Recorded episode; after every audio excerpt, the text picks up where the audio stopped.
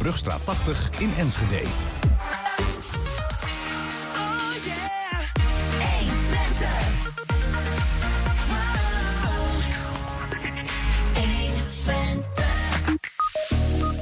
Snellere treinverbinding tussen Zwolle, Enschede en Münster gaat miljarden kosten. De Military in Boekelo staat aan de vooravond van het Gouden Jubileum. Een Enschedese oud-wethouder is de nieuwe voorzitter van het Van Heekpark. En wat is er vijf jaar na het overlijden van oud-zorgdirecteur Willem Marcelis over van de tafel van Marcelis? Het is maandag 4 oktober. Dit is 120 vandaag. 120. 1. 120 vandaag. Grote namen uit de wielenwereld eh, stonden gisteren op de Oude Markt aan de stad van de Münsterland Giro. Deze eendaagse wedstrijd startte dit jaar in Enschede. Onder de deelnemers grootheden als Mark Cavendish en André Grijpel. Van Grijpel was, eh, dit, voor Van Grijpel was dit zijn laatste wedstrijd als prof. Maar Cavendish die kwam naar een loodzware wedstrijd met veel wind en regen... als eerste over de meet in Nienbergen. Als ik het goed uitspreek. Vlakbij Münster is dat.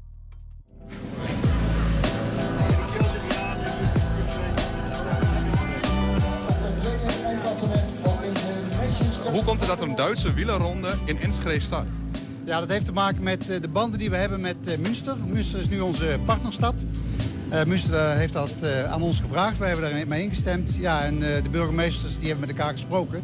En in het kader van een grensoverschrijdende samenwerking is dit natuurlijk een heel mooi evenement om te laten zien dat we dat voor elkaar krijgen. We have a good relation between Münster and Enschede and um, yeah, it's it's time to to change some, something and um, the work together between the Netherlands and the Germans are very good here. En heeft het wel ook te maken met, het, met die tolle wochen?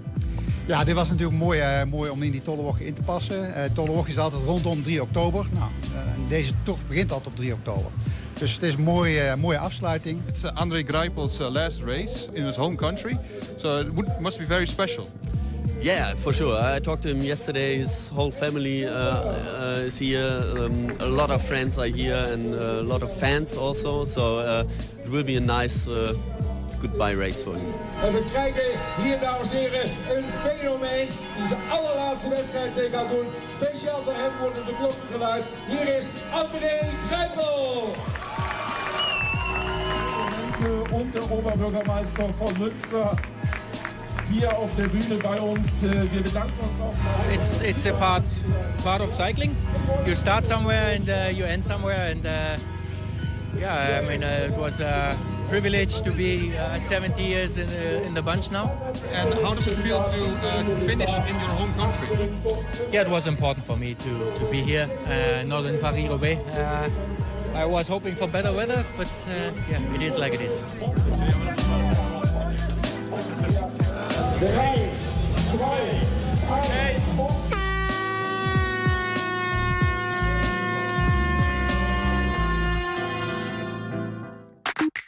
is toch mooi, zulke grote namen in Enschede.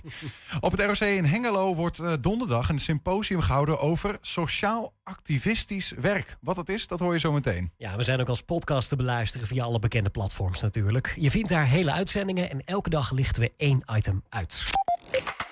120. 120 vandaag.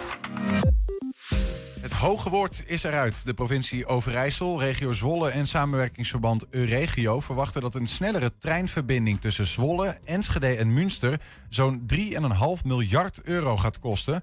Nou, wie gaat dat eigenlijk betalen? We hebben adjunct-directeur-bestuurder Dinan de Jong van de Euregio aan de telefoon. Dinan, goedemiddag. Goedemiddag. Het is nogal wat, 3,5 miljoen euro. Hoe kom je er eigenlijk zo bij dat bedrag? Ja, het lijkt een heel groot bedrag, maar in uh, spoortermen uh, valt het allemaal wel reuze mee. Um, het bedrag is eigenlijk samengesteld uit verschillende onderdelen: uh, elektrificatie, spoorverdubbeling, aanpassing van stations en dergelijke. Ja, en zo telt het al redelijk snel op naar dat bedrag. Ja, ja, ja. Ik, ik zei trouwens uh, miljoenen, hoor ik net. Ik, het is Oh, ja. een 3,5 miljard. Maar even Ja. om het in perspectief te plaatsen. Je zegt het is in spoorwegenland, valt het nog wel mee? Eh, wa- wat zijn de bedragen die we over het algemeen tegenkomen dan? Ehm, nou, de discussie die in Nederland in de politiek nogal speelt, de lelielijn, daar, eh, dat kost 10 miljard. Zo, goedemiddag, ja. Dat is al wat. Maar goed, ehm, er, er, er is ook wel wat mee gemoeid. Hè? Als we straks, Ja. eh, bijvoorbeeld als die verbinding tussen Enschede en Zwolle er ligt... eh, dan kunnen we niet alleen sneller naar Zwolle, maar ook naar de Randstad, geloof ik. Wat gaat het eigenlijk precies opleveren qua tijdwinst? Nou, de bedoeling is, is dat eh, tussen Wierde en Zwolle het spoor verdubbeld wordt. Dat is nu nog enkel spoor. En het is natuurlijk eigenlijk wel een beetje uit de tijd dat zulke grote regio's als de regio Twente en de regio Zwolle zo'n slechte treinverbinding hebben eh, via enkel spoor. En ehm, de bedoeling is dat, eh, dat, dat zeg maar, die treinverbinding sneller wordt. Hè. Die duurt nu iets langer dan een uur. En eh, met spoorverdubbeling en sneller rijden, dan, dan zou het net ietsje boven het half uur zijn. Dus dat, dat scheelt nogal. Dat is dubbel zo snel. ja, en precies. En, eh, en bovendien, eh, als je dan eh, in Zwolle bent en je gaat ehm, via de Hanselijn door de polders naar Amsterdam, ehm, ehm, dan, dan is er ook een grote snelheid of een reistijdwinst te halen als je vanuit Twente naar de Randstad gaat. Want dat moet dan lukken in anderhalf uur. alright. 90 minuten Enschede-Amsterdam. Dat is nu geloof ik een uur of twee. Ja, zo ook een half uur Ja. winst. Hey, en als je het hebt over een, Ja. een dubbel spoor, hè, want nu is er een enkel spoor, betekent dat dan dat Ja. heengaande treinen eigenlijk moeten wachten op terugkomende treinen, dat die allebei op hetzelfde traject rijden, of, of zie ik dat dan verkeerd? Eh, ja, die rijden allemaal op hetzelfde spoor. Alleen eh, bij de stations eh, kunnen ze elkaar passeren. Hè? Dus daar kan de ene trein de andere trein inhalen. Dus dan kun je ook straks met, met dubbele sporen kun je ook meer treinen überhaupt laten rijden, want de- ze hoeven minder op elkaar te wachten dan. Precies. En dat is natuurlijk ook de bedoeling. Hè? Eh, eh, er moeten ook meer treinen tussen Zwolle en Enschede rijden. En dan ook doorrijden naar, eh, naar Münster. Hè? Mhm. Want in Enschede is er nog steeds van Zwolle naar Enschede het eindpunt in Enschede. Maar ook van Münster naar Enschede is het eindpunt in Enschede. Ja. Dus eh, wat wij natuurlijk voorstellen is dat er een directe treinverbinding komt tussen Zwolle en Münster. Zodat er in Enschede doorgereden kan, eh, kan worden. En op die manier verbind je dus drie regio's met elkaar. Niet alleen Zwolle met Twente, maar deze twee ook nog met eh, Münsterland. Daarover vroegen wij ons nog af, die 3,5 miljard euro die nu een soort van begroot is, zit daar ook dat Duitse kant van het verhaal bij? Ja, dat is het totale verhaal. Eh, eh, aan de Duitse kant is er, nog, is er ook enkel spoor en dat is nog niet geëlektrificeerd. En daar rijden nu dieseltreinen. Mhm. Ja, en dat is eigenlijk al helemaal niet meer van deze tijd. Zeker ook eh, gelet op de, de verduurzaming en het niet meer rijden op, op diesel. Dus wat dat betreft wordt dat natuurlijk ook hoog tijd. Wat vraagt dat eigenlijk allemaal überhaupt voor werkzaamheden? Want je zegt, hè, het spoor wordt verdubbeld, de stations moeten eh, groter. Maar is er nog meer wat, wat bijvoorbeeld erbij komt kijken als je zo'n spoor gaat voor zwaardere treinen, voor snellere treinen gaat inzetten? Eh, ja, dat is, dat, is dan het technische verhaal. Hè? Dus dat wordt al snel heel erg ingewikkeld. Maar je kan je voorstellen als je met eh, treinen gaat rijden die, die harder rijden. Ehm, eh, dat je daar dan aanpassingen op moet maken op, de, op het spoor. Mhm. Eh, dat je niet meer eh, van die korte bochten kan maken. En dat er overwegen aangepast moeten worden en stations en dergelijke. Dus ja, dat, dat heeft natuurlijk wel gevolgen voor de railinfrastructuur, hè, zoals we dat noemen. Hoe hard gaat zo'n trein eigenlijk dan? Nou, de, we, eh, we hebben eigenlijk gekeken naar eh, de treinen die nu eh, besteld gaan worden door de NS. De bedoeling is om in, Ne- om in heel Nederland harder te gaan rijden met de treinen. Eh, tot aan wel 200 kilometer per uur. En, en dat scheelt natuurlijk enorm in, de in de reistijd. Mhm. En op langere afstanden scheelt dat natuurlijk nog, nog veel meer. Want ehm, het voordeel van de spoorverdubbeling eh, tussen Wieren en Zwolle is natuurlijk ook dat eh, dat, dat een alternatief eh, tracé kan zijn voor de trein van Amsterdam-Hengelo. En dan gaat het Amsterdam-Zwolle-Hengelo-Berlijn. En, en dat is nog een treinverbinding die nu nog ja, tegen de 6,5 uur, soms nog ietsje langer duurt. En als je dat ook nog over deze treinverbinding, over dit tracé laat rijden, dan, eh, dan zitten we eh, met een, een, een, een reistijd tussen eh, Amsterdam en Berlijn zo tussen de 4,5 en 5 uur. Dus, daar- daar, dus in die zin is het wel een, nou ja, een redelijke investering, zeggen wij dan in spoortermen. Hè. De, in 3,5 miljard is wel voor iedereen natuurlijk veel geld, maar in spoortermen valt het nog wel mee. Maar in die zin dient het ook zeg maar drie, drie doelen in één keer. Hè. Drie vliegen in één klap, zeggen wij dan. Eh, Münster-Zwolle, eh, Twente-Randstad, Amsterdam-Berlijn, eh, die kunnen dan allemaal gebruik maken van, van dat nieuwe spoor. Dan is natuurlijk ook, ook een beetje de vraag, hè, want we betalen dat met z'n allen, zei u al even. Ja, hoe wordt Ja. zoiets eigenlijk bekostigd? Waar, waar halen we die 3,5 miljard nou vandaan? Ja, dat heeft natuurlijk te maken met hoe wordt openbaar vervoer gefinancierd in Nederland en in Duitsland. En dat is altijd een overheidszaak. En dat betekent dus dat dan kijken we naar de provincie Overijssel, we kijken naar Den Haag. Maar we kijken natuurlijk aan de Duitse kant ook eh, naar eh, Noord-Rijn-Westfalen en Düsseldorf en, ehm, en ook naar Berlijn. Eh, en, en omdat dit een grensoverschrijdend project is, ehm, eh, kijken we ook naar Europa. Dit jaar is het het Europese jaar van het spoor. En, en dat betekent dat vanuit Europa er ook potjes zijn om grensoverschrijdende treinverbindingen te stimuleren. Dus zo hebben we een behoorlijk aantal potjes bij elkaar eh, om, eh, om eh, overal wat, wat uit te halen, zal ik maar zeggen. Wat is, nou, wat is, wat is jouw, droom als, als, als nou, zeg, adjunct directeur-bestuurder van de Euregio? Wat, wat dit gaat, want Ja. je noemt al even, hè, je verbindt drie, drie regio's met elkaar. Ja. Ehm, wat, wat hopen we eigenlijk dat dit soort ja, werk uiteindelijk bewerkstelligt? Ja, kijk, waarom doen we dit? Het, het- kijk, het laten rijden van een trein is natuurlijk niet een doelstelling op zich. Hè? Eh, er moeten natuurlijk wel mensen instappen, want ik kan wel een trein laten rijden. Maar als er geen vraag is, dan, eh, dan maakt niemand daar gebruik van. Dus dat heeft natuurlijk geen zin. Dus waarom doen we dat? Dat doen we natuurlijk omdat we die regio's aan elkaar willen verbinden. Omdat eh, er steeds meer mensen gebruik van maken. Zowel van de trein van Zwolle naar Enschede, maar ook de trein van Münster naar Enschede. Die zit, zeker vanuit het Duitse deel, zit aan de maximumcapaciteit. Dus Ja. die kunnen niet meer, meer mensen vervoeren. Maar daar is wel vraag naar. Dus eh, je ziet het eigenlijk voor het woon-werkverkeer, voor de arbeidsmarkt. Maar je ziet het ook voor eh, eh, studenten. Hè, de studenten die vanuit Duitsland bijvoorbeeld in, in Enschede studeren, op de UT of in Saxion. En je ziet het zelfs eh, eh, tussen de hbo's onderling, hè, tussen Zwolle en, eh, en Enschede. Dus op die manier wordt er natuurlijk steeds meer gebruik van gemaakt. Nou, het wordt ook natuurlijk steeds meer gestimuleerd hè, om die grens weg te Ja. gummen tussen Nederland, Duitsland, Euregio en ook, nou ja, Twente wil talent naar zich toe halen. Dan is het handig als er een goede verbinding ligt. En als je ook snel hier kan zijn en hier weg kan zijn als nodig is.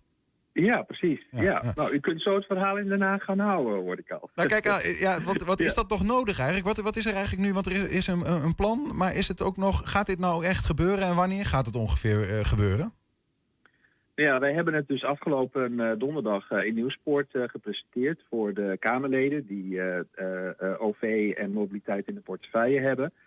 Eh, het is natuurlijk belangrijk dat eh, in eh, het nieuwe coalitieakkoord voor de nieuwe regering, eh, als we zover zijn, eh, dat dit opgenomen wordt en uitgevoerd wordt. Ehm, ja, in spoortermen hebben we het vaak over grote bedragen, zei ik net al. Maar ehm, ehm, dit wordt ook niet van de ene dag op de andere dag eh, gerealiseerd. Dus dat heeft altijd lange aanlooptijd nodig. Dus wij kijken nu, bij ons is korte termijn eh, eh, 2032, waarbij we de eerste treinen zouden kunnen laten doorrijden. Zo. En je moet je voorstellen, Ja, ja. er moet veel geld bij elkaar ge- ge- geharkt worden. Ehm, er moet ook eh, flink wat eh, gebouwd worden. Hè? Dus eh, eh, een spoor extra aanleggen en elektrificeren, dat is ook niet van Maar goed, het is vooral dus een kwestie van, van geld en van werk. Het is niet zo dat er nog, ehm, nou ja, eh, dat wij er nog wat van moeten vinden met elkaar. Nou ja, kijk, het is natuurlijk zo dat eh, Den Haag en, eh, en Berlijn en Brussel eh, daar wat van moeten vinden. En daarom Ja. presenteren we deze plannen ook overal. Precies, ja. En de- zij gaan daar hopelijk in zo'n coalitieakkoord een beetje in meewerken. En dan is 2032 het mikpunt voor nou, uiteindelijk de eerste doorrijtrein. Wanneer zien we dan de eerste verbeteringen al op het traject? Is daar nog iets van te zeggen? Ehm, ja, dat zal natuurlijk ook nog wel eventjes duren voordat dat ge- gebeurt. Want voordat eh, eh, een, een, een aannemer of ProRail of DB Netz aan de Duitse kant echt aan het werk gaan... En, en, en we zien daar dan ook de werkzaamheden... Je moet altijd wel rekenen op een aantal jaren eh, eh, eh, werk, werk voordat, dat, voordat het allemaal klaar is. Dus dat, dat zal dus inderdaad nog wel even duren. Duidelijk. We wachten het nog even af. Succes in ieder geval met de lobby in Den Haag om het allemaal voor elkaar te krijgen. Dinan de Jong hoorde je, adjunct directeur-bestuurder van de, de Euregio. Dus over die ja, treinverbinding Zwolle, Enschede, Münster. Dinan, dankjewel. Hartelijk, hartelijk dank. Graag gedaan. Dag. Straks, de military in Boekelo staat aan de vooravond van het Gouden Jubileum. En heb je een tip voor de redactie? Mail het dan even naar info 120.nl. 120. 1. 120 vandaag. Als problemen achter de voordeur zich op uh, grotere schaal gaan voordoen, dan spreken we van maatschappelijke problemen. Voor de aanpak van deze problemen is sociaal werk van groot belang. Donderdagmiddag wordt er in ROC van Twente locatie De Gieterij in Hengelo een symposium gehouden met de prikkelende titel Sociaal activistisch werk in de wijk. De boodschap die luidt: de sociaal werker anno nu moet zijn voelsprieten beter leren gebruiken. In de studio is mede-organisator Johan Belstra. Johan, welkom. Dankjewel. Doen ze dat te weinig, uh, voelsprieten gebruiken? Uh, als het uh, om maatschappelijke oorzaken die ten grondslag kunnen liggen aan individuele problemen, ja. Wacht even, als ze de nog één keer. Kijk, aan sommige mensen ervaren individuele problemen, maar daar kunnen maatschappelijke oorzaken aan de grondslag liggen. Ja. Bijvoorbeeld het beleid van een gemeente het beleid van de Rijksoverheid.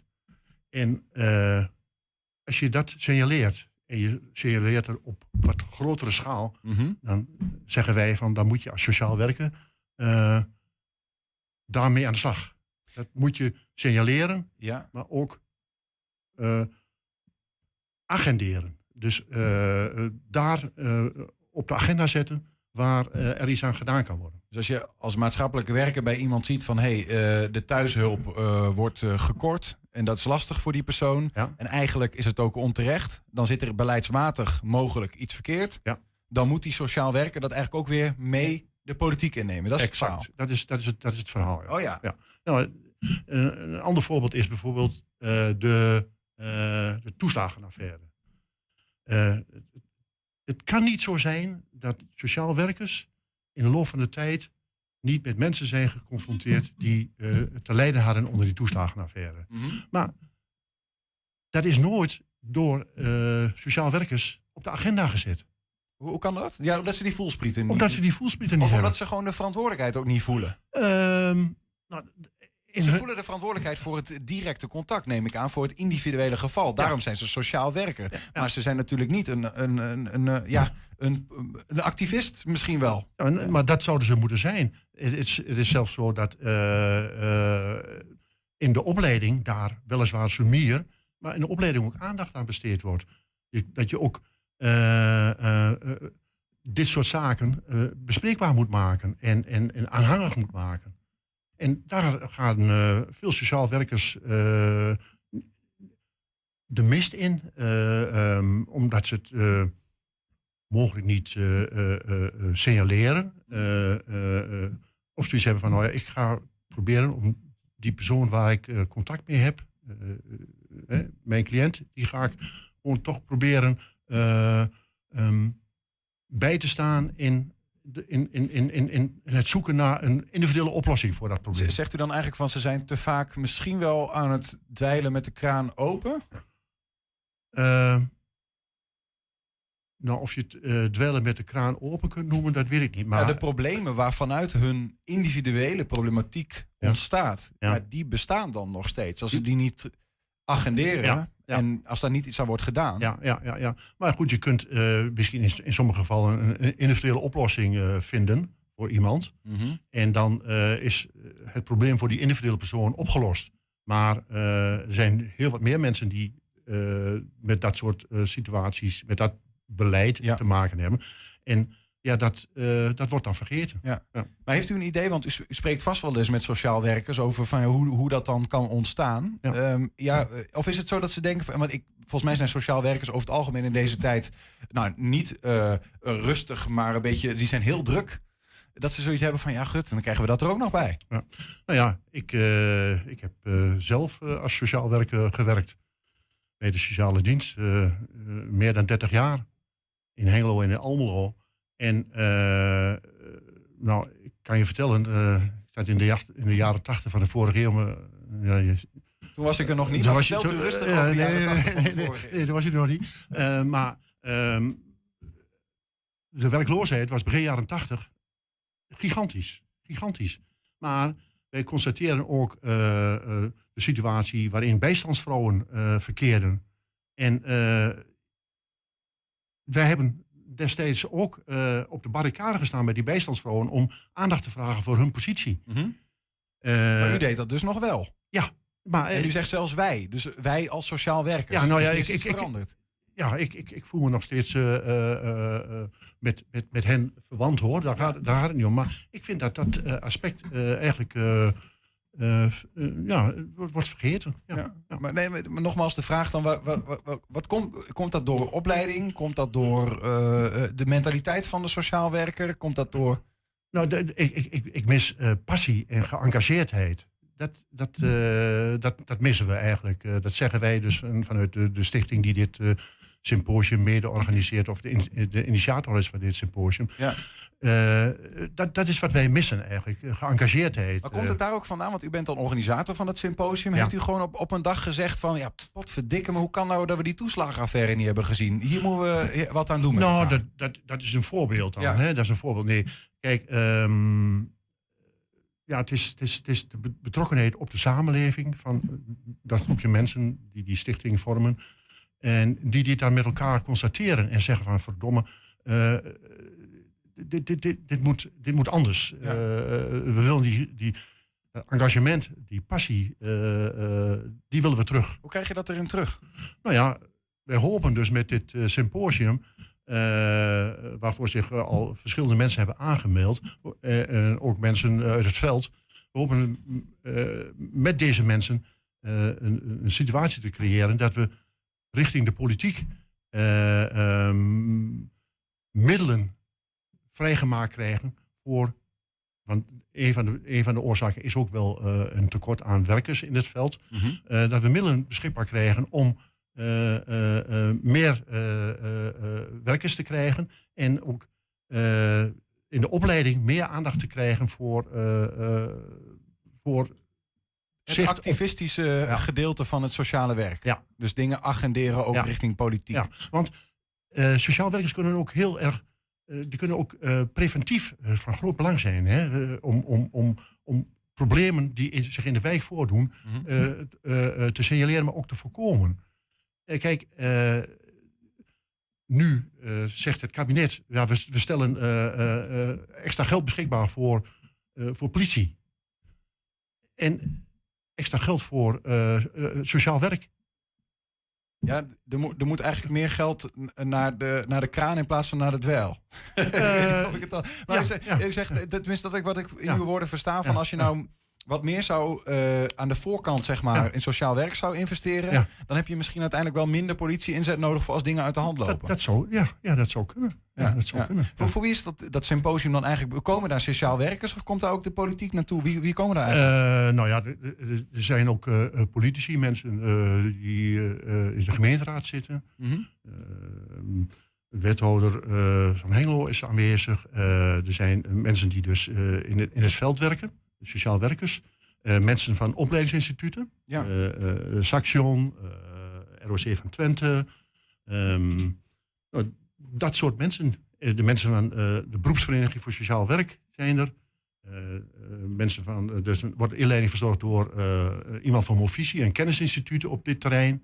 Dus ja, een heel divers gezelschap. Het is uiteindelijk dat is nog een relatief lokaal regionale club. Regionaal. Toch? Ja, regionaal. Want is het dan ook de bedoeling dat jullie samen een vuist daar gaan op een manier gaan vormen en eh, richting het Haagse gaan om Ja. daar je stem te laten horen? Ja, dat is, dat is, we hopen dat we een, een, een soort eh, een manifest eh, als, als resultaat van dat symposium kunnen creëren. Mhm. En daarmee willen we dan richting, richting Den Haag. Ja. We hebben al wat lijntjes uitgelegd in Den Haag. En we hopen dan uiteindelijk bij eh, eh, Paul Blokhuis, eh, de staatssecretaris, die Ja. dit in zijn portefeuille heeft, als hij er nog zit natuurlijk. ehm, hopen we terecht te komen, ja. Dus om zeg maar zowel die boodschap die u vertelt, hè, Ja. wordt nou activistischer, Ja. om die over Ne- heel Nederland uit te spreiden en Ja. om meer middelen klaar te spelen om de sociaal werkers ook de, eigenlijk de mogelijkheid te geven om dat activistische onderdeel meer te krijgen. Ja, ja, ja, Ja. Ja. ja. Kunnen we er nog bij zijn bij het, eh, bij het symposium? Zeg maar, is er nog plek voor als we geluisterd hebben en we zeggen ja, van... ja, nou, ja, zeker is er nog plek. Eh, dus ehm, eh, aanmelden via www.sso-twente.nl. Duidelijk. Johan Belstra, dank voor de komst, voor de uitleg en succes aankomende donderdag. Graag dat ik dit heb kunnen doen. Nou, graag gedaan. Zometeen, wat is er vijf jaar na het overlijden van oud-zorgdirecteur Willem Marcelissen over van de tafel van Marcelis? 120. 1. 120 vandaag. Ja, de Military, een van de grootste outdoor-evenementen van Nederland. Met jaarlijks 60.000 bezoekers, 1500 vrijwilligers die de handen uit de mouwen steken. viert deze week haar gouden jubileum. De tenten, hindernissen, biertaps en paardenverblijven die worden nu opgebouwd. Donderdag beginnen de wedstrijden. Boekelo en Mr. Military-directeur Robert Zandstra die staan weer even in het middelpunt van de belangstelling. Robert, goedemiddag. Goedemiddag. Hoe druk ben je ermee op zo'n maandag als deze? Nou ja, weet je, we zijn nu net weer een uh, nieuwe fase in, ingestapt. Um, en dat betekent dat, uh, nou ja, vorige week en die week daarvoor zijn we met een grove opbouw bezig geweest. En nu komen we in een situatie terecht dat, uh, dat iedereen zich meldt rond de hospitalities, aan de licht en geluid en noem maar op. Dus we zijn nu de fase van het, ja, het aanbrengen van de spiegels en de kranen, noem ik het maar een beetje. de vlaggen in de mast enzovoort. Dus het is een enorme drukte bij ons op het terrein. En, ja ja, daar zijn we aardig druk mee bezig. Wel een beetje op schema of heb je, heb je soms nog wel eens even spanning? Of denk je nou, nee, ik ken het, I know the drill inmiddels wel? Nou ja, die nieuwe fase, dat is dan één dag. Dan raakt iedereen toch weer een beetje, zeg maar, in, nog niet in de stress, maar wel uh, overbelast. Omdat iedereen zich tegelijk, tegelijk meldt. Maar in de loop van de dag dan zie je dat het zich allemaal wel weer uh, kanaliseert en tot rust komt. En dan uh, heeft iedereen het alweer uh, ja. in het snotje. En dan, ja, dan loopt het als vanouds. En wat natuurlijk wel meewerkt is dat we gewoon een hele mooie dag hebben vandaag qua weer. Dus dat scheelt ook een stuk. Hey, is het nou nog, die, die, de komende editie is de vijftigste. Um, brengt dat nou nog iets bijzonders? Is er nog iets bijzonders anders dan andere jaren? Nou ja, we, we, we vieren natuurlijk wel onze vijftigste verjaardag. En um, dat doen we door op uh, verschillende plekken in het terrein uh, te verwijzen naar, uh, naar, naar, beelden en, en, momenten uit het verleden. wat we ook doen, we hebben een heel mooi magazine gemaakt, veel dikker dan ooit, waarin we ook even echt terugblikken over vijf decennia. En verder hebben we op woensdag een, een receptie voor iedereen ja, die iets met Boekelo te maken heeft, zeg maar. Van grondeigenaar, medewerker, sponsor, founder, member, leveranciers, die, die zijn allemaal welkom op een, een receptie. Mm. Uh, daar doen we een kort woordje en daarna hebben we gewoon een hoop plezier. En, en ja, goed, en dat is het wel zo'n beetje. Want uh, wij vinden eigenlijk dat we de, uh, de periode na onze verhuizing, dat we het allemaal wat zwaarder hadden. En, en, en nu ook de COVID-jaar achter de rug. We hebben, ons, ja, we hebben ons allemaal keurig gered. Maar om nou, om het maar eens zo te zeggen, ja. uitbundig uit de bocht te vliegen, dat lijkt ons niet, niet verstandig. Ja, er, er was niet heel veel energie meer voor een extreem grote verjaardag na alle perikelen van de afgelopen tijd. Nou ja, precies. Ik bedoel, uh, we hebben natuurlijk met, met steun van overheid en sponsors... Uh, hebben we uh, het jaar 2020 kunnen overbruggen... en de gunstige uitgangspositie van 2019 kunnen meenemen naar 2021. Maar om dan uit de bocht te vliegen omdat je een verjaardagsfeestje viert... dat ja. lijkt ons dan niet gepast. Is, is, er, is er nog iets van... van ja, heeft heeft de, die corona nog sporen achtergelaten eigenlijk bij, bij de military? Op welke manier dan ook? Nou ja, we, zijn financieel zijn we, uh, uiteindelijk hebben we goed kunnen overleven. Dus dat, dat is niet het probleem. Wat je wel ziet is dat met name uh, nou ja, onze tentenbouwers, onze leveranciers, de inrichters, noem maar op. ja, die hebben toch echt wel problemen om te leveren. ze hebben tekort aan personeel, ze hebben tekort aan materiaal. En je merkt ook gewoon organisatorisch, technisch, ook al onze vrijwilligersteams ja, het is net dat het allemaal een beetje vastgeroest heeft gezeten. En dat echt na een jaar iedereen toch wel weer ja, een zetje nodig had. En dat heeft natuurlijk ook te maken met het feit dat iedereen toch heel lange tijd in onzekerheid heeft gezeten. Ja, gaan we ja. nou wel of niet? Uh, krijgen we volledig groen licht? Moeten we ons aanpassen? Ja, dat soort zaken. En uh, het heeft dus natuurlijk wel uh, ja, wat goed in aardig gehad. En, ja, en ja, net als de rest van de maatschappij, ik, ik noem het maar een beetje, staat alles een beetje vastgeroest. Dat is nu natuurlijk in de voorbereiding langzaam aan het uh, los uh, gemasseerd aan het worden. Maar is het, waar, waar maak je je eigenlijk voor op? Is het een volwaardige military dit jaar of is het vanwege COVID ja, een, toch nog een soort van corona-editie? Nee, nee, nee, zeker niet. We hebben natuurlijk 14 september groen licht gekregen. En eigenlijk zijn alle beperkingen zijn eraf. eigenlijk het enige wat je nog merkt is dat er wel een corona-toegangsbewijs wordt gevraagd. Dus iedereen moet, voordat hij terrein opwandelt, even die check krijgen. En uh, dat is eigenlijk het enige. Ja, en uh, wat nog steeds verplicht is, is uh, in de shuttlebussen vanaf Rutbeek en vanaf de Grosvesten. Uh, daar moet je een mondkapje dragen. Nou, daar hebben we een fantastische sponsor voor gevonden. Want we zijn er inmiddels ook wel achter dat niet iedereen meer zijn mondkapje in, in, in de zak heeft. Maar uh, nee, dat, uh, dat zijn eigenlijk de enige zaken. En er is geen afstand meer, er is geen anderhalf meter meer, er zit geen limiet op onze aantallen. Dus we, kunnen, we zijn het eerste after corona feestje van, van 2021, denk ik. Ja, dat is mooi. Dus komen speciale military mondkapjes? Nou, nee, we hebben gewoon een, een sponsor die die dingen verkoopt. En ja, ja. Ja, die, zijn, uh, die, die, die, was zo aardig om meteen een pallet hiervol neer te zetten. Dus dat komt wel goed. Hey Robert, uh, laatste vraag hoor. Maar is het nou... Uh, kijk, nu heb je 50 jaar gedaan.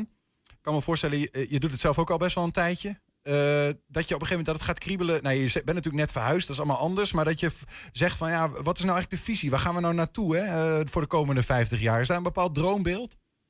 Nou, we hebben, we hebben daar best wel een visie. We hebben natuurlijk een paar jaar geleden hebben we ook naar de toekomst gekeken. En Kijk, we zijn nu bijna klaar met onze accommodatie hier, hè, ons hoofdterrein. Dat is nu een eigen terrein, ook volledig ingericht met infrastructuur onder de grond, boven de grond enzovoort. Dat hopen we dit jaar af te ronden door ook uh, de, de hal die daarop staat in een definitieve uh, ja, uh, renovatie te kunnen aanbieden. Zodat we echt alleen maar met onderhoud bezig zijn in de toekomst. En onze meerjarenvisie is eigenlijk een hele eenvoudige. We zijn natuurlijk op het gebied van sport zijn we ja, top van de wereld. Uh, op gebied van business zijn we een van de grootste uh, business events van Nederland. En qua pleasure doen we ook gewoon geweldig goed mee. Mm -hmm. Dus die combinatie topsport, business en pleasure... die hoeft wat ons betreft niet uh, veel groter of uitgebreider te worden. wat we wel willen is continu werken aan kwaliteit. En dat betekent dus dat we daarmee onze continuïteit gaan borgen... door te werken aan, aan kwaliteit en het niveau wat we hebben vast te houden. Uh, en soms heb je wel eens zoiets dat, dat je denkt van nou, als je wilt dat alles hetzelfde blijft, moet alles anders. Dat betekent dat je open moet staan voor veranderingen, open moet staan voor professionalisering en, en, en innovaties. Maar qua omvang op sportief gebied zijn we top of the, the bill. En business-wise en pleasure-wise zijn we ook gewoon, uh, ja, doen we gewoon heel goed mee. Dus de, het is niet de bedoeling dat we tienduizenden mensen meer gaan ontvangen de komende jaren. Nee, maar goed, je, moet, je zegt wel, we willen die kwaliteit handhaven. We willen die kwaliteit hoog houden. De, hoe werk je daaraan dan? Nou ja, dat betekent dus innoveren. Dat betekent professionaliseren. En dat betekent gewoon met de tijd meegaan. Dus ook nieuwe technieken, of dat nou ticketing is, of dat dan nou... Kijk, uh, voor een aantal jaren geleden hadden we nog dozen met kaartjes staan. Dat gaat nu allemaal via de e-mail en via de scan. Nou ja, dat betekent dat je daar software voor moet ontwikkelen, enzovoort, enzovoort. Dus ja, uh, weet je, je, je, moet continu moet je aan de slag om, uh, om met elkaar uh, hier ja, de, de, wedstrijd op niveau te houden. En dat is het werken aan kwaliteit. En als je die kwaliteit weet te bevorderen, ga je ook naar, dan ga je ook naar ehm, ehm, continuïteit toe. Duidelijk. En eerst ook maar eens uh, nou ja, genieten van wat er uh, dit weekend komen gaat. Uh, en met alle perikelen voorafgaand nog succes daarmee. Robert Sandstra, voorzitter van de Military. Succes deze week. Oké, okay, dankjewel. Zometeen een Enschedese oud-wethouder is de nieuwe voorzitter van het Van Heekpark. 120. 1. 120 vandaag. Willem Marcelis overleed vandaag precies vijf jaar geleden. De bevlogen oud-directeur van zorgcentrum De Posten had een droom. De posten en de wijk waar het zorgcentrum in staat sterk met elkaar verbinden. Om die droom verder vorm te geven na zijn dood werd de tafel van Marcelis in het leven geroepen. En we vroegen ons af, hoe is het nu eigenlijk met die tafel van Marcelis? We praten erover met initiatiefnemer John Overmeer. John, goedemiddag. Goedemiddag, hoi. Um, je plaatste vanmiddag een, een Facebook-bericht, eigenlijk naar aanleiding van het vijfjarig overlijden van Willem Marcelis. Um, hoe herinner je hem? Ja, als een ontzettend bevlogen man die uh, zijn tijd ver vooruit was. Um, en uh, een sportieve man. wielermaat van Henny Kuiper. en Henny zei nog wel eens uh, op, een, op een leuke manier van ja, eigenlijk had Willem prof wielrenner moeten worden, want hij had nog betere benen dan ik zelf. Nou, of dat zo is, weet ik niet. Maar een ontzettend sportieve man, maar ook een man met een ontzettend sterke visie over met name de zorg in Nederland. En ja, altijd een feest om met hem het gesprek uh, te mogen voeren en in zijn omgeving te mogen zijn. Wat was die, die visie dan specifiek gezien? Want dat, dat hangt samen met die droom die hij had voor de posten, denk ik. Ja, Willem Marcelis um, had, had een visie over de zorg. Uh, en, en de belangrijkste uh, daarbij was de ouderenzorg en de geestelijke gezondheidszorg hè, voor, voor ouderen. voor mensen bijvoorbeeld met dementie. Hij vond het heel belangrijk dat mensen zichzelf konden blijven. Ehm, dus op een gegeven moment heb je steeds meer zorg nodig als je ouder wordt. Dat gaat ons allemaal overkomen. Maar het belangrijkste daarbij vond hij dat mensen hun eigen identiteit konden behouden. Dat, ze, dat de punker punker kon blijven, dat de kakker kakker kon blijven. Eh, eh, en, en, en, en, en dat je gewoon je, je, jezelf mocht blijven tot, tot het laatste moment. En daar stond hij voor. En dat deed hij op een eh, hele bijzondere manier. Maar is dat iets wat, wat, wat bedreigd werd dan in Nederland op, op een of andere manier? Nou, je kunt je voorstellen dat zeker eh, in verpleegtehuizen waar je, je nou ja, gemiddeld ja, zo'n twee jaar nog doorbrengt totdat je komt te overlijden. Dat is wel het laatste station. Ehm, en, en ja, we horen daar veel over dat in de zorg er een tekort is aan mensen aan het bed, handen aan het bed. Eh, en dan kun je wel veel proberen op te lossen met vrijwilligers. Ehm, maar op een gegeven moment is de zorg dusdanig complex ja, dat, het, dat het moeilijk is om ja, het menselijke continu overeind te houden. De identiteit, wie de persoon zelf echt is. Ja. op een gegeven moment zoveel zorg nodig. Die, die mensen, die handen aan het bed waar je het over hebt, eh, of de, de medewerkers in het ver- verzorgingshuis of de posten, die zorgen er eigenlijk voor om iemand ook te laten zijn wie die is. Ja, en natuurlijk doe je dat samen met de familie. Natuurlijk doe je dat samen met al die vrijwilligers. Dat, is, dat is prachtig, hè? dat was al bij de posten zo. Maar dat zie je nu op heel veel plekken in het land. Er zijn ontzettend veel vrijwilligers die eigenlijk een soort professionals zijn geworden en hun beste beentje voorzetten. Maar nog steeds is het zo dat ja, je moet al die verzorging doen. En hoe kun je er dan voor zorgen dat iemand toch nog eh, zo mooi mogelijk leven heeft? Ja. En, en hoe, hoe, hoe moet ik dit dan rijmen met zeg maar, de droom om de posten, nou ja, een onderdeel te laten worden van de Zuidwijk waar, waar de posten in staat, de posten zelf? Nou, misschien is het goed om, om, om even te vertellen hoe, hoe ik in het verhaal kwam. Ik, ik, ik eh, werd eh, op een gegeven moment gevraagd door Willem Marcelis om eh, met mijn bedrijf om, om daar te ondersteunen, om daar te helpen om de communicatie van de posten zo eh, goed te krijgen dat ze een zeg maar, nieuwbouwplannen konden ontwikkelen die meer in en van en voor de wijk zouden zijn. Ehm, en in dat proces, waarbij eh, allerlei wijkbewoners betrokken werden, de, van de burgemeester tot de wethouder tot de minister, iedereen werd aan tafel gevraagd om mee te denken. In dat proces ja, kreeg Willem te horen dat hij ongeneeslijk ziek was.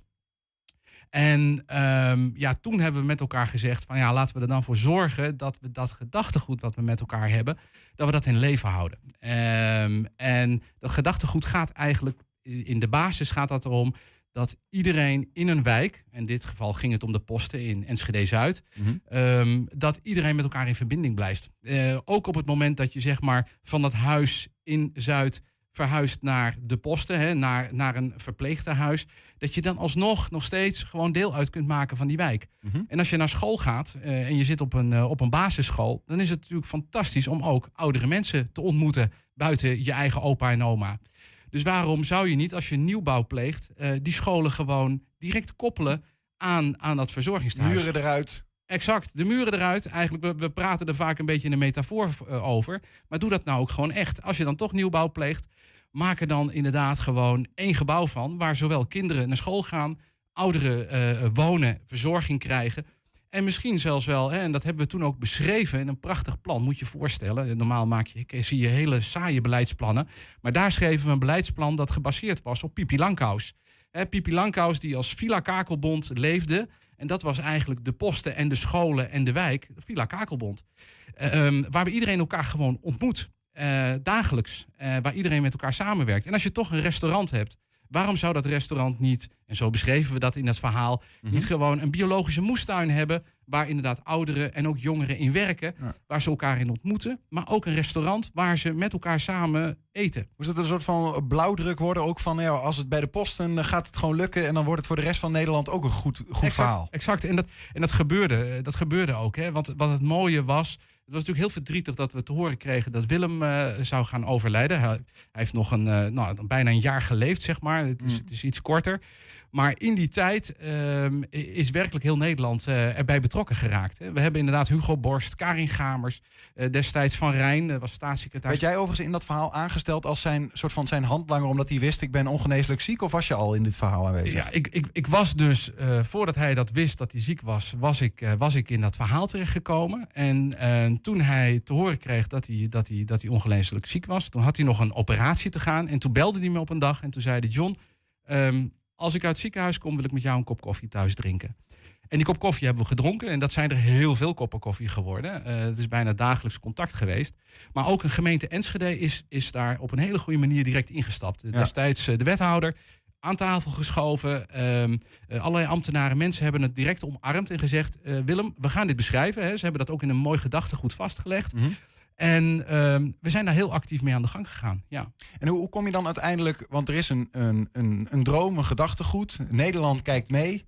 Eh, ehm, Willem is ongeneeslijk ziek. Jij bent daar ook om eh, nou ja, daar in een handje te helpen. Misschien werd die hand groter toen je Ja. ziek werd. Ja.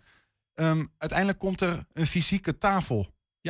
Klopt. Waar kwam het vandaan? Ja, was prachtig. De gemeente Enschede zei, ja, eigenlijk moet er een tafel zijn waar iedereen elkaar a- aan ontmoet. En laten we die tafel dan ook gewoon fysiek maken. Laten we een echte tafel neerzetten. Als een soort symbool. Eh, eh, en om die tafel kunnen de mensen elkaar ontmoeten. Ja, wat ik dacht al, want er wa- was ook een groep van 80 fakkeldragers, worden Ja, ze klopt, genoemd. klopt, vrijwilligers die dit, ja, deze droom moeten gaan eh, voorthelpen. Ja. Maar ik dacht, ja, ik heb dat tafel, die tafel gezien. Daar passen niet 80 mensen aan, maar dat is Nee. symbolisch. Nee, het is symbolisch. En die tafel die is ook een reis gaan maken. Hij staat op dit moment staat hij in Oldenzaal eh, bij Assortiments. Ook een heel bijzondere eh, eh, organisatie voor mensen met autisme. Ehm, eh, het, het is, een, het is een, een, een symbool. Maar het, het staat ook echt voor de verbinding. En dat is iets waar Willem Marcelis heel erg voor stond. Eigenlijk is het. eh, ja, we hebben vorige week eh, meegemaakt dat Onno van Veldhuizen wegging, eh, weggaat hè, uit, uit Enschede, niet meer burgemeester is. Maar dat soort mensen, net zoals Willem Marcelis eigenlijk ook een soort burgemeester was, die zorgen voor de verbinding in de stad. En die zorgen voor de verbinding in het land. En die hebben we zo hard nodig. En ja, zo'n tafel stond daar symboliek voor. De gemeente Enschede zei direct, die gaan we plaatsen. Dat heeft Willem ook nog allemaal meegemaakt. Dus dat is prachtig. En Willem is inderdaad in de, in, ja, ja, met zijn gedachtegoed en met al die mensen die dat zeg maar omarmden, is hij uiteindelijk heen gegaan. Maar wel, ja, leeft daarin voort. Maar, de- maar de tafel staat inmiddels in Oldenzaal, hoor ik je vertellen. Staat inmiddels in Oldenzaal. Wa- Waarom, waarom is dat dan? Nou ja, wat, we, wat je natuurlijk op een gegeven moment krijgt, is dat een, eh, eh, ook Enschede Zuid ontwikkelt zich op dit moment sterk. Er, zijn, er, is een, er zitten weer nieuwe wethouders, nieuwe bestuurders. eh, die, en ik, wat, ik word daarvoor toch wel op de hoogte gehouden wat er gebeurt. Er gebeuren mooie dingen. Ehm, maar op andere plekken vinden ook weer dit soort nieuwe projecten plaats. Nou, zo is eigenlijk de tafel van Marcelis verhuisd richting Oldenzaal. De droom En- wordt daar opnieuw, uh, opnieuw weer gestalte krijgt hij Ja. daar. En ja, we hebben natuurlijk even coronatijd gehad. Daardoor is, eh, zijn veel vrijwilligersinitiatieven overal in Nederland, ook hier, wat, eh, wat, wat, nou ja, even wat op een lager pitje gekomen. We hebben binnenkort, in de, volgens mij over twee weken, weer een vergadering met elkaar. En dan hopen we toch weer richting het einde van het jaar weer wat mooie dingen neergezet kunnen hebben. Met wat hoor ik je nou eigenlijk zeggen? Dat met het verhuizen van die tafel vanuit de posten naar Oldenzaal... dat, nou ja, de geest van Marcelis in de posten met corona een beetje opnieuw... Nee, eh, nee, nee. nee? Nee, Ik, denk, ik denk dat de geest van, eh, van, van, eh, van Willem Marcelis echt wel ehm, gekoppeld is aan de posten. Dat is echt ook zijn grote droom ook altijd geweest. Dat daar ehm, eh, de mooie dingen van de grond komen. Ik denk dat dat ook zo is. Ik denk dat dat daar ook gebeurt in Zuid. Ik hoor daar mooie dingen over.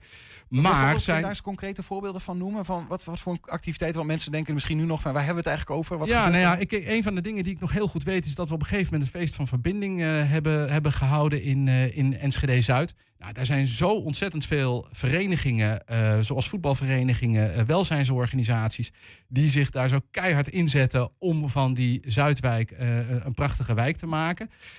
Ja, dat is wel duidelijk die geest van Willem Marcelis. Daar ben ik van overtuigd. Ja. Dat soort verbindende activiteiten. Ja. Overigens, de posten gaat ook helemaal op de schop. Ja, dus, Zit dat dus, daar ook in? Want dat, Nou ja, dat, dat is natuurlijk. Ja, absoluut. Kijk, als het aan mij gelegen had, had het al, al lang gebeurd mogen zijn. Maar eh, inderdaad, het is nog steeds. De, de verbouw en de nieuwbouwontwikkelingen zijn in volle gang. Ehm, en dat is natuurlijk nog steeds het verhaal van Willem, wat daarin zit. Mhm. Dat gaat continu over verbinding. Dat gaat continu niet alleen over zorg, maar ook over onderwijs. Het gaat over sport. Ehm, eh, je ziet daar al die facetten die we destijds eh, ook beschreven hebben. En die Willem ook eh, altijd uitdroeg. Dat die daar allemaal in zitten. Maar die 80 fakkeldragers waar we het eerder over hadden. Ja, want je zegt, bestuur komen we bij elkaar om te vergaderen. Ja, is dat ook no- nodig? Of is het, die vrijwilligers, zijn die, staan die op zichzelf?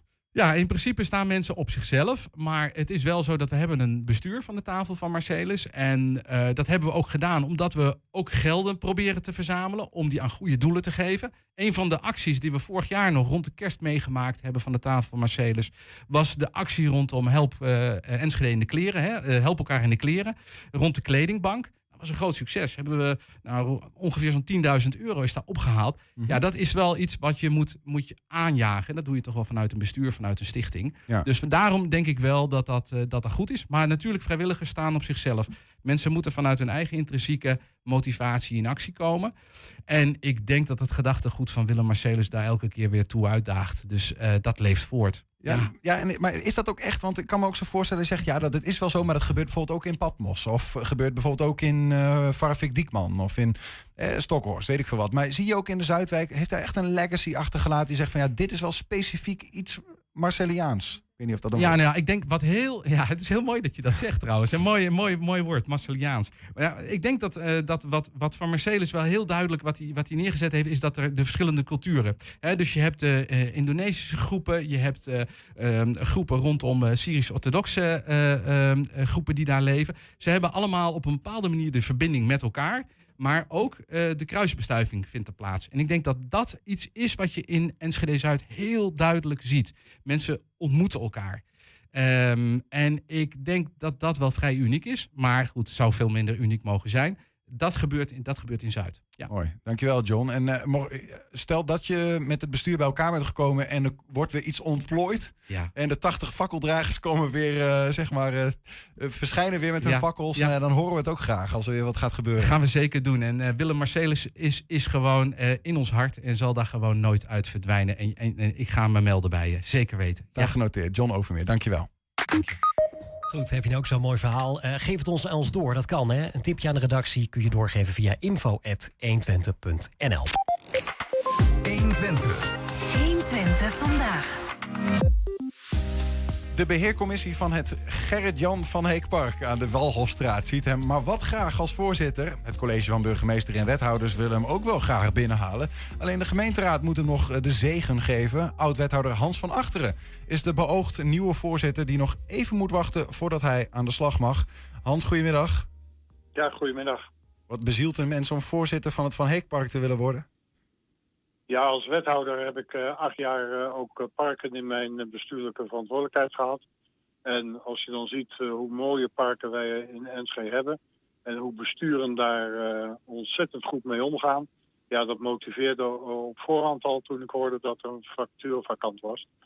En ja, als Enschedeer ja, voel je ook wel een stukje verantwoordelijkheid om de continuering van zulke parken gestalte te doen. Dus ja, er waren motivaties genoeg om te denken, nou, dat, eh, dat zou wel eens wat voor mij kunnen zijn. Dus ik heb een poging gewaagd. En, eh, En ik, ik begrijp zelfs inderdaad dat er een officieel sollicitatiegesprek heeft, eh, heeft plaatsgevonden. Ja, dat hoort, dat hoort ook zo en dat is ook goed. Er zijn in de beheercommissie is dat er statutair vastgelegd hè, in de schenkingsakte dat er vijf Enschedeërs het beheer eh, moeten, moeten voeren bestuurlijk voor het park. En ja, dat moet in een open procedure. Dat, eh, En wa- en wat is er dan, wat, wat, wat is er wat eh, de sollicitatiecommissie of nou ja, wat, wat willen ze eigenlijk graag zien in, in die nieuwe voorzitter? Ja, er wordt natuurlijk wel wat bestuurlijke kwaliteit gevraagd. Nou, ik hoop dat ik dat eh, kan brengen met mijn ervaring. Affiniteit met, met het park, een netwerk hè, wat, je, wat je meebrengt. En er zijn een aantal criteria waarop, waarop men de uitvraag heeft gedaan. En nou ja, het heeft de commissie behaagd om mij voor te dragen. En eh BMW heeft dat eh, geaccordeerd. En zoals je al zei eh, in, het, in de inleiding, eind deze maand zal de gemeenteraad haar zegen erover moeten geven. En dat is ook mooi dat dat door de raad bevestigd wordt. Ik heb ook wel begrepen dat het ook wel een beetje een gelopen race was, omdat u de enige sollicitant was überhaupt. Ja, dat hoorde ik achteraf ook. Dat, dat, ik hoop dat u dat verbaast dan. Ja, ja eh, achteraf denk je, nou, dat, dat, is, dat is dan ook eh, eigenlijk jammer. Hè? Want eh, zulke parken verdienen best ook reacties uit, uit de hele samenleving. En met 160.000 inwoners zou je verwachten dat er toch wel een aantal mensen geïnteresseerd zijn in, in zo'n functie. Ja, betekent dat ook dat er werk voor, voor u aan de winkel is om die parken op een of andere manier nog meer ja, belangrijk te laten voelen? Nou ja, bij het GFNE-park hebben we natuurlijk het voordeel dat er al jarenlang een heel goed beleidsplan eh, ligt. Hè. Dat is in uh, eind vorige eeuw al geaccordeerd. En daar wordt men, elk jaar wordt dat geüpdate en daar is nog steeds een uitvoering. Er is al voor miljoenen in de afgelopen jaren geïnvesteerd in dat park. Ja. Dat zie je ook. Hè. Er zijn uh, heel veel mooie, mooie aspecten, nieuwe hekken, nieuw, heel veel bomen vervangen. Waterproblematiek is ook opgelost. Eigenlijk hoeft u niet meer zoveel te doen. Nou ja, het blijven altijd nieuwe uitdagingen. Hè. De, de, ambitie van het park is natuurlijk ook om aan, aan de kant van de cultuurkant hè, wat, meer, uh, wat meer aandacht te, te, besteden. En ik vind zelf, ja, het is een park van, van onze inwoners. Dus wat dat betreft uh, moeten we daar uh, ook zorgen dat het zo open en toegankelijk mogelijk voor iedereen is. En ja, maar dat, dat is het toch al? Met alle, je, je hebt ja, gewoon, je hebt, je hebt heel wat ingangen van het park. Dus op zich is het best wel toegankelijk, toch? Fysiek, fysiek zeker. Um, uh, ik denk dat we, dat we alleen uh, in de toekomst moeten kijken. Hè. Nu, bijvoorbeeld de marathon die gaat nu door het park. Ja, dat is natuurlijk hartstikke mooi. Want daarmee haal je ook veel meer mensen naar het park die misschien niet zo heel vaak naar het park komen.